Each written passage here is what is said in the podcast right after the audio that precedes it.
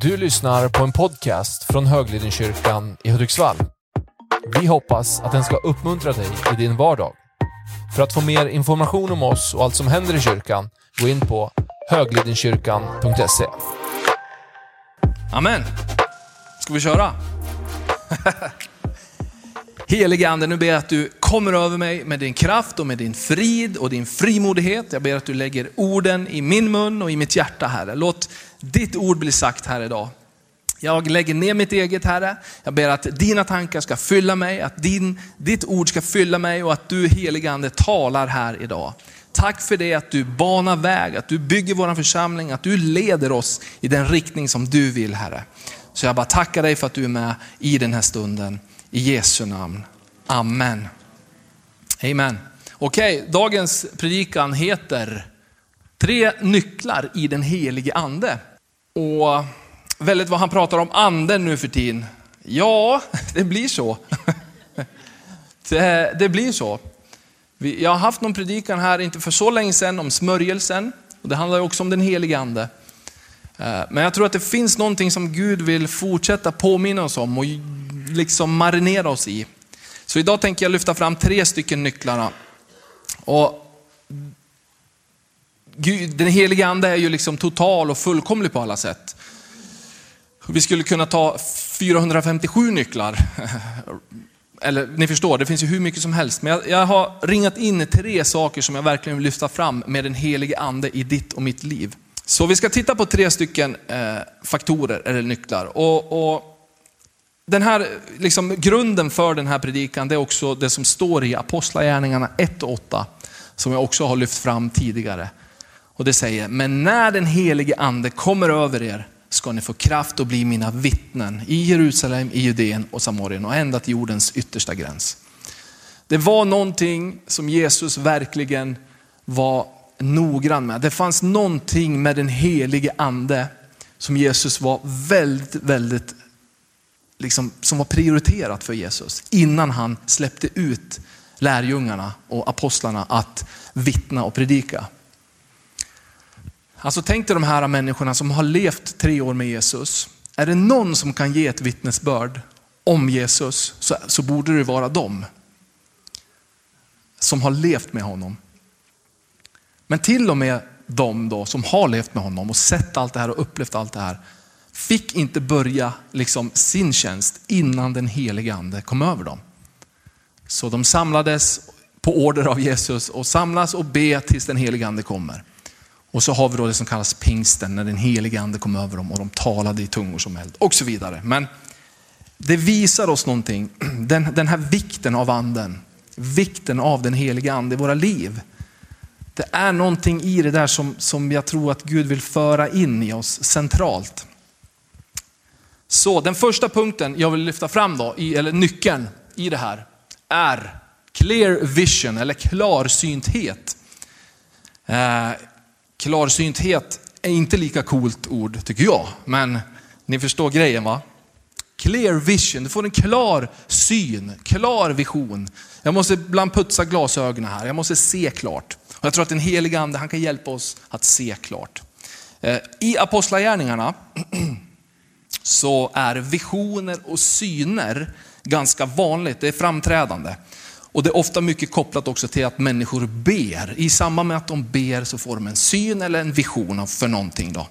Eh, och det är liksom ett exempel tycker jag, det visar på någonting att i samband med att vi ber, i samband med att vi gör någonting så får man ofta en vision eller en syn eller en, man får klarsynthet. Alltså du ser klart. Och det behöver inte vara en livsförvandlande grej alltid. Det kanske handlar om ett beslut eller en väg du ska gå eller inte gå i livet. Men i samband med bön, i samband med det så är det ofta man ser att eh, ja, Gud visar någonting då. Om du vill följa med till Apostlagärningarna 10 så får du gärna göra det. Apostlagärningarna 10, det handlar om en, en man som heter Cornelius. En romersk officer som är omskriven då i Apostlagärningarna. Och man läs, kan utläsa här att eh, Cornelius och hans familj var gudfruktiga människor, som vi ska läsa om. Och så händer det någonting plötsligt en dag. Då. Men vi kan läsa från vers 1 och framåt faktiskt. Apostlagärningarna kapitel 10, vers 1. I Caesarea bodde en man som hette Cornelius, en officer vid den eh, Italiska vaktavdelningen. Han var from och fruktade Gud, liksom alla i hans familj. Och han gav generöst med gåvor till folket och bad alltid till Gud. En dag runt nionde timmen såg han tydligt i en syn hur, Gud, hur en Guds ängel kom in till honom och sa Cornelius. Han stirrade förskräckt på ängeln och frågade, vad är det Herre? Ängeln sa, dina böner och dina gåvor har stigit upp och blivit ihågkomna inför Gud. Sänd nu några män till Joppe och skicka efter en viss Simon, Simon Petrus som han kallas då. Han är gäst hos garvaren eh, Simon som har ett hus vid havet. När ängeln som talat med honom var borta kallade Cornelis till sig två av sina tjänare och en soldat och en from soldat eh, från sitt närmaste följe. Så förklarade han så vidare där då. Eh, det här var en väldigt betydelsefull vision som Cornelius fick se. För det Eh, var att uppmana Petrus att komma och besöka honom och det här fick bra konsekvenser om man säger då. Så det är det första som jag vill lyfta fram med den helige ande. Att du och jag, vi får klarhet, klarsynthet. Och som sagt, det behöver inte vara så här stora och ganska livsavgörande saker. Men ditt kristna liv och mitt kristna liv, eller våra liv överhuvudtaget, behöver ha en ingrediens som ibland hamnar i periferin och det är den helige ande. Det är anden, det är anden. Äh, när du och jag ger rum för anden, det är det som är nyckeln tror jag. Vi ger rum för anden så skingras saker och ting och vi ser klart. Så clear vision, klarsynthet, är den första nyckeln. För det behöver vi nästintill varje dag idag. Du vet, vi lever i en sån snårig skog många gånger.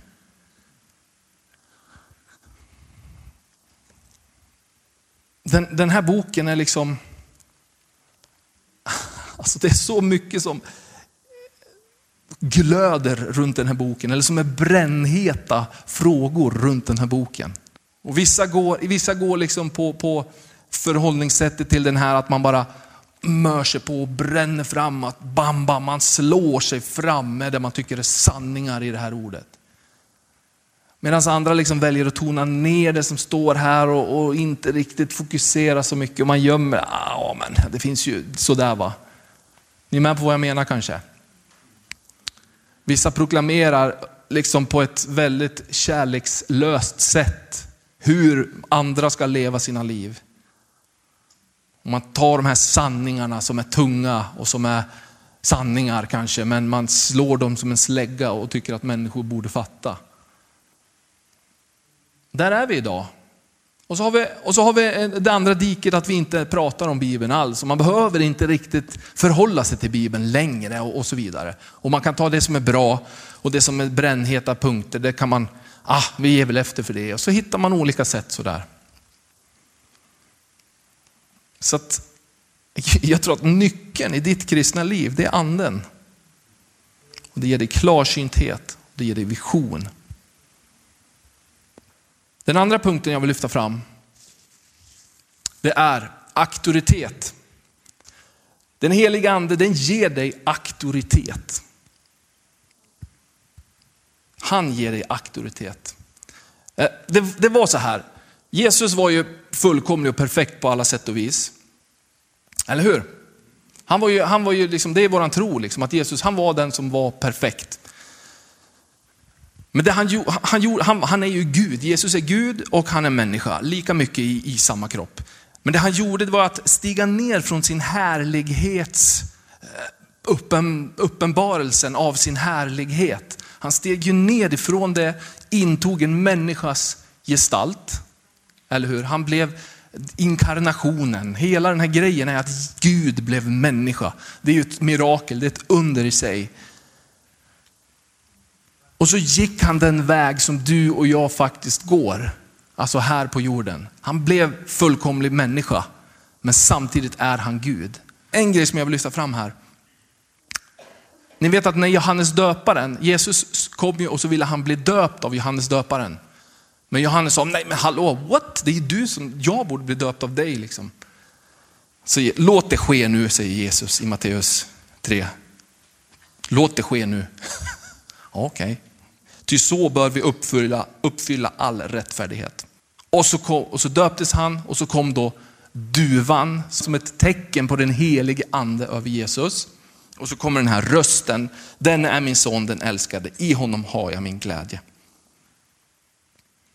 Det är någonting unikt, men det här är ju att Jesus behövde för sin tjänst anden. För att leva sitt liv på jorden så behövde Jesus anden. Amen. Så att om, för att Jesus skulle kunna vara då Messias och göra allt det han gjorde, så behövde han bli uppfylld av den helige ande. Så att om Jesus behöver leva sitt liv eh, utifrån anden, då behöver också vi det, tänker jag. Amen. Jag ska läsa Johannes 6 och 27 också. Om du vill kan du slå upp det. Johannes evangeliet kapitel 6 och vers 27. Arbeta inte för den mat som tar slut, utan för den mat som varar och ger evigt liv. Och som människosonen ska ge er. På honom har Gud, hans fader, satt sitt sigill. Eh, det finns, ordet sigill kom, återkommer några gånger i Bibeln. Och Fadern har satt sitt sigill på Jesus. Och det var det han också gjorde när anden kom över apostlarna och lärjungarna. Och det är det som sker också när vi blir andedöpta. Gud han sätter sitt sigill på dig och mig. Och det sigillet ger dig och mig auktoritet.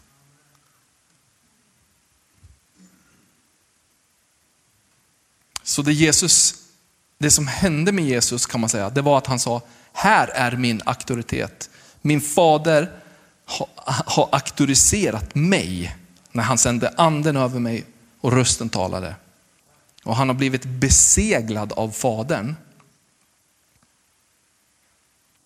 Det, det, det är andens försegling som auktoriserar.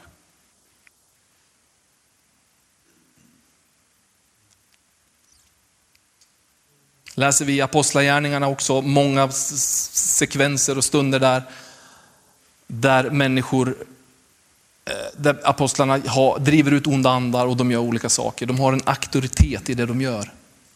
För att de har den helige ande.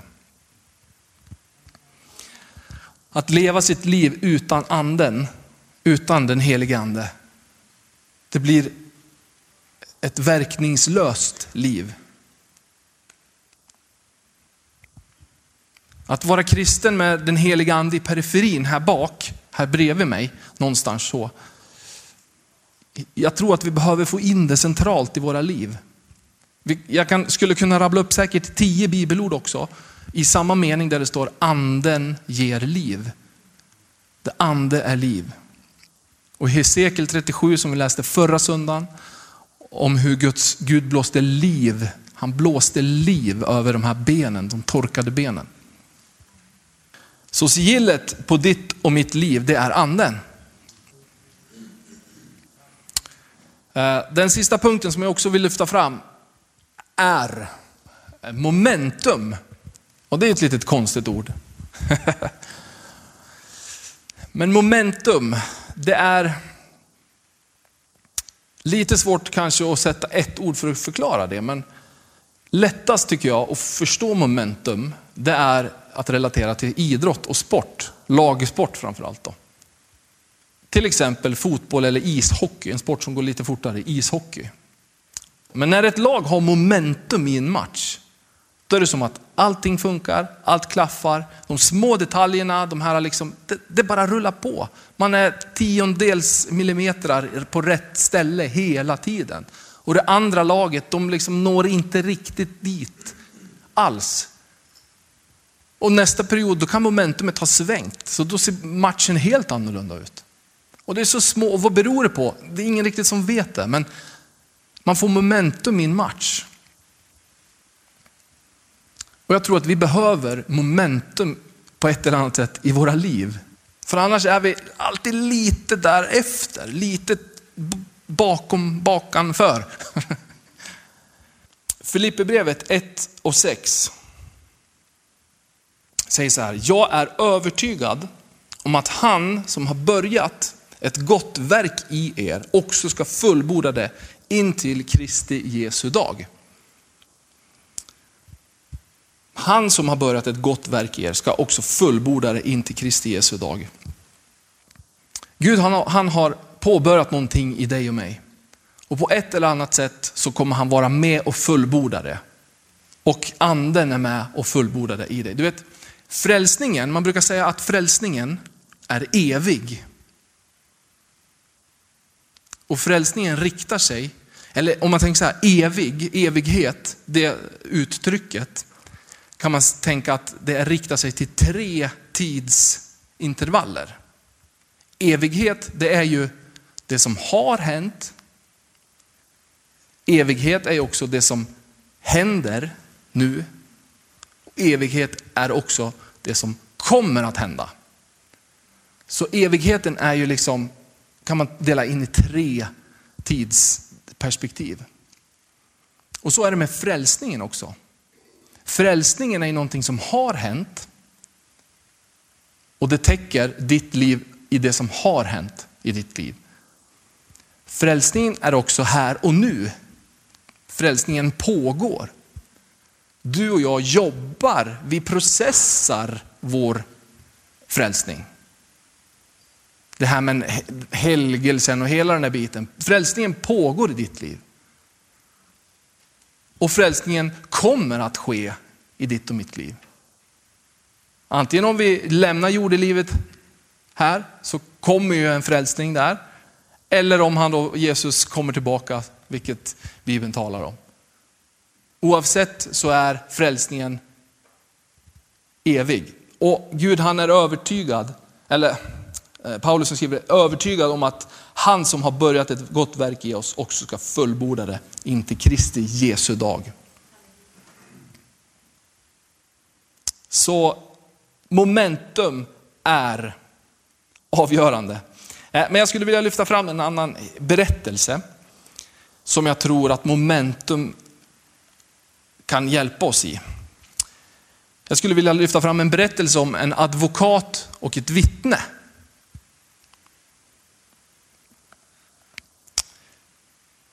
Om jag ska utgå från mig själv och tänka att jag skulle vara en advokat för kristendomen, eller för det kristna, för mitt kristna liv. Om jag är en advokat, det kan ju låta bra. Man kan vara en, jag kan vara en advokat för, krist, för, att, för, för allt det kristna och det som jag tycker är viktigt. Då. Men jag behöver ju inte vara kristen för det. Eh, man kan vara förespråkare för allt det kristna utan att uppleva dem. Man kan ha en intelligens. Eh, om du har blivit rätt tränad och du kan förstå skriften på ett sätt så att man kan lägga ut det för andra. Du kan framföra alla argument. Du kan sätta argument för en sorts kristen filosofi. Kanske låter rätt och riktigt, men du kanske står utanför den sanna upplevelsen hela tiden. Du kanske pratar om något som du inte riktigt vet, om någon du aldrig har träffat. Men du kan ändå vara en advokat så att säga. Du kan vara väldigt påläst och tycka att bam, bam, bam, bam. Och allt kan låta rätt och riktigt. Man är en advokat, kanske till och med liksom en strålande advokat. Ja, vad vet jag.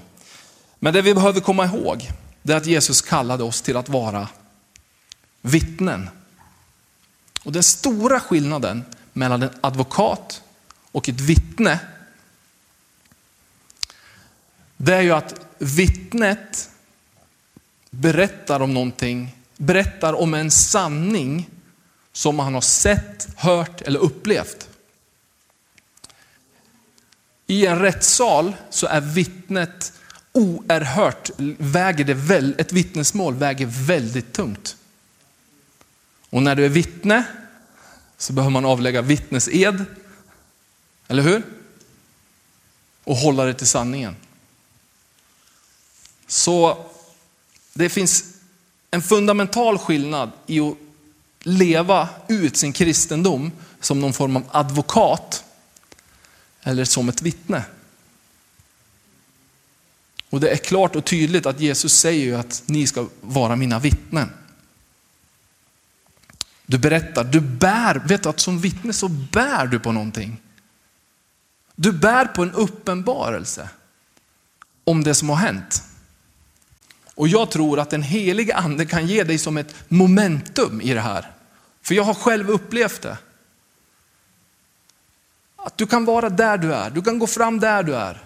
Du behöver inte, upp, liksom, du behöver inte agera som en advokat. Att man liksom ska vara där och slåss och försvara Gud och man ska liksom nergöra det som man tycker är fel på något vis. Nej, du är inte kallad att göra det. Du kallade vårt att vara ett vittne. Det betyder att du berättar någonting som du själv har uppenbarelse om. Och den helige ande ger dig momentum i det här. Så min poäng är att ofta är det ju vi själva som håller tillbaks den helige andes momentum på något vis. Och att bara, bara vara den du är. Och, och låt den helige ande liksom finnas. Att den helige ande finns i ditt liv, för Gud har satt den helige ande som ett sigill i dig och det finns en auktoritet över ditt liv att leva, att leva det livet. Och jag tror att momentum infinner sig när vi slutar att liksom hålla tillbaka. Och det som är du, jag menar Gud han definierar dig på ditt sätt. Så håll inte tillbaks det, utan låt det momentum bara få flöda i ditt liv, flowa i ditt liv. Och du ska vara ett vittne. Du är inte kallad att vara advokat eller döm, domare, framförallt domare är vi inte kallade att vara. Vi är kallade att vara vittnen. Och det, ditt vittnesbörd bygger på att du bär någonting, en uppenbarelse. Det finns någonting i det här som Jesus, tycker jag, så tydligt visar. När han då eh, eh, beordrar apostlarna att inte ge sig iväg. Att kunskap och fakta räcker inte hela vägen. För det hade de ju, och erfarenheten hade de ju. Men det var någonting där som var så viktigt. Det fanns en dimension till i det kristna livet. Det finns en dimension till i det kristna livet som är mer än kunskap och fakta. Och det är sigillet på ditt liv. Det är den helige ande. Och jag vet att vi brottas med det här i Sverige idag. Vi brottas med det här i Hudiksvall idag. Jag, jag är övertygad om det, jag brottas med det själv ibland. För att det här med anden och tungotal och lite sådana här saker som sätter liksom käppar i vårt tänkande. Men där har vi också vägledning i Bibeln. Ordspråksboken till exempel. Förlita dig inte på ditt förstånd, utan förtrösta på Herren av hela ditt hjärta. Och det finns en vishet i det här. Du har en hjärna, en välutvecklad hjärna som du ska använda. Och dina känslor och frustrationer på olika sätt talar till dig av olika anledningar. Och Gud har skapat dig så. Så det jag säger det är inte att slå bort allt du känner, slå bort allt du tänker. Liksom, och, och jag flummar inte till det här. Du vet, jag tror att det finns en knivskarp, en skärpa i det här som Gud har mejslat fram för oss att hitta hos, i, i dig och i mig. Jag tror att det finns en knivskarp liksom, linje på något sätt i det här. Där det behöver inte bli diffust och flummigt. Vi har en själ, vi har en kropp, vi har också en ande. Och alla de måste liksom vara på gång. Vi måste leva ett liv med anden.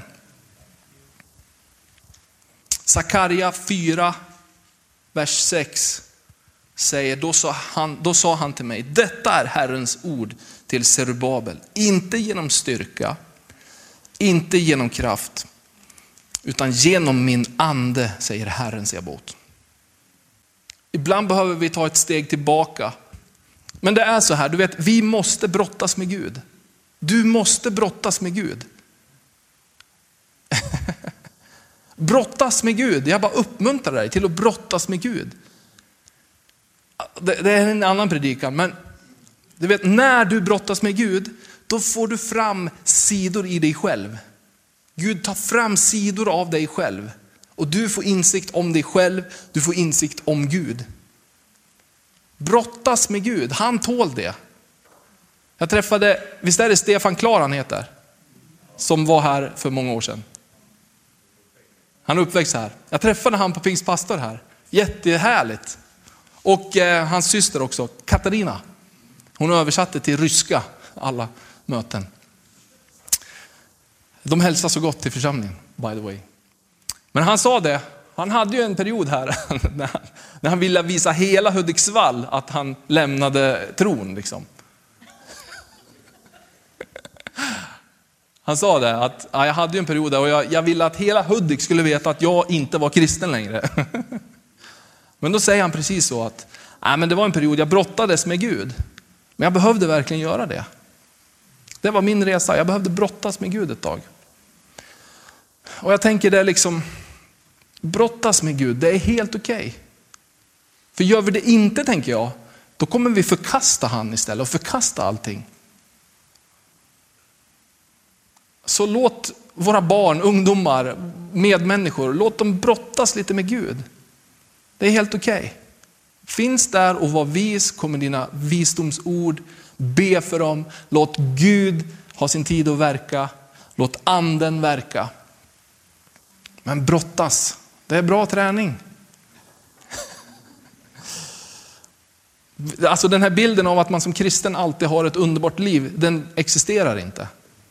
Det är inte så, vi är människor.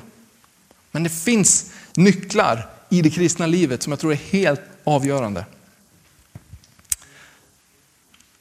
Och den heliga ande kan inte vara en diffus energi eh, eller någonting i vårt periferi, utan han är central, han är en utgångspunkt i vårt kristna liv. Den helige ande. Så att vi har klarsynthet, auktoritet och momentum. Jag tror att det är tre viktiga nycklar för ditt och mitt kristna liv. Och jag ska inte prata om anden utan då att nämna andens frukter som kanske någon sitter och tänker på. Men jag skulle vilja bara summera det. För i ehm, Galaterbrevet 5 så pratar, nämner Bibeln att eh, andens frukter är kärlek, glädje, frid och så vidare. Men man brukar prata om eh, andens frukt är kärlek. The fruit of the spirit is love, säger engelskan. Så andens frukt är kärlek. Sen gör kärleken får konsekvenser i ditt liv. Och det är joy, peace, kindness, goodness, faithfulness och alla de här sakerna som kommer. Så hittar vi kärleken så kommer, som är en frukt av anden, så kommer de andra bitarna att bli ett resultat i våra liv. Apropå vårt fina bygge här bakom mig, som någon kanske funderar kring. Vi har jobbat med det här och vi jobbar fortfarande med det här. Hur vi bygger vår församling. Så har vi sagt att de här byggstenarna behöver någonting som håller dem samman. Och det är kärleken. Vi jobbar med våra relationer. Kittet som håller allting samman, det är kärleken till varandra och det bud som Jesus ger oss att ni ska älska varandra som jag har älskat er. Det bygger på anden skulle jag vilja säga. För frukten av anden är kärlek. Och kärleken som anden då lägger in i oss ger alla de här sakerna, joy, peace och så vidare. Så jag tror att det fanns så mycket mer i att vi skulle bli döpt i den heliga ande. Än, än kanske vad vi, vad vi förstår. Och jag tror att det, jag har inte full uppenbarelse om anden. Det hävdar jag inte på något sätt. Utan jag tror att det finns mer för oss att hämta i det här. Jag tror det finns mer för dig att hämta i relationen med den helige ande och hur avgörande den är i våra liv. Och conclusion, slutsatsen av det här är att ge rum åt den helige ande i ditt liv. Kanske steppa tillbaka och be den bönen, Gud ske din vilja. Uppenbara för mig. Ibland kan jag uppleva när jag ber, att jag ber ut saker som jag inte förstår. Är det någon som har upplevt det någon gång? Mitt sinne hänger inte med på den här bönen riktigt, men det är någonting som bubblar i mig på insidan som jag inte riktigt kan förstå. Och så kan det vara. Men rätt vad det är, pam, så får vi uppenbarelse. Och det liksom blir att vi, vårt förstånd också blir belyst. Wow, jaha, är det det här? Och utan uppenbarelse så går vi förlorad. Utan vision så går folket förlorat, läste vi också förra söndagen. Så jag tror att den heliga ande ger oss också det, uppenbarelsen. Så ge rum åt den heliga ande, jag tror att det är väldigt avgörande. Och när den heliga ande kommer över er ska vi få kraften och vi ska vara vittnen. Vi kommer få klarsynthet, vi har fått en auktoritet och vi kommer få ett momentum i våra liv. Jag tror att det, anden är helt avgörande för det kristna livet. Jag tror att anden inte kan vara något i periferin, utan det måste vara en central del i mitt kristna liv. Jag tror att din och min relation med Gud är andlig. Bygger på din ande. Sen behöver du för, för, liksom förståndet och vi kan läsa och det finns en auktoritet i ordet. Det finns en auktoritet i Jesu namn. Det finns också en auktoritet i anden som du bär hela tiden. Och Det finns en favör, det finns en, ett momentum i den heliga ande för ditt liv. Och jag tror inte att du måste be fyra timmar varje morgon. Utan jag tror att du kan bli döpt i den heliga ande och att du är döpt i den heliga ande tror jag. Att ni alla är i stort sett. Och att du har det. Men jag tror att vi behöver ge lite rum för det emellanåt. Och hitta en kontinuitet i hur anden faktiskt leder oss. Och låta oss bli ledda av anden.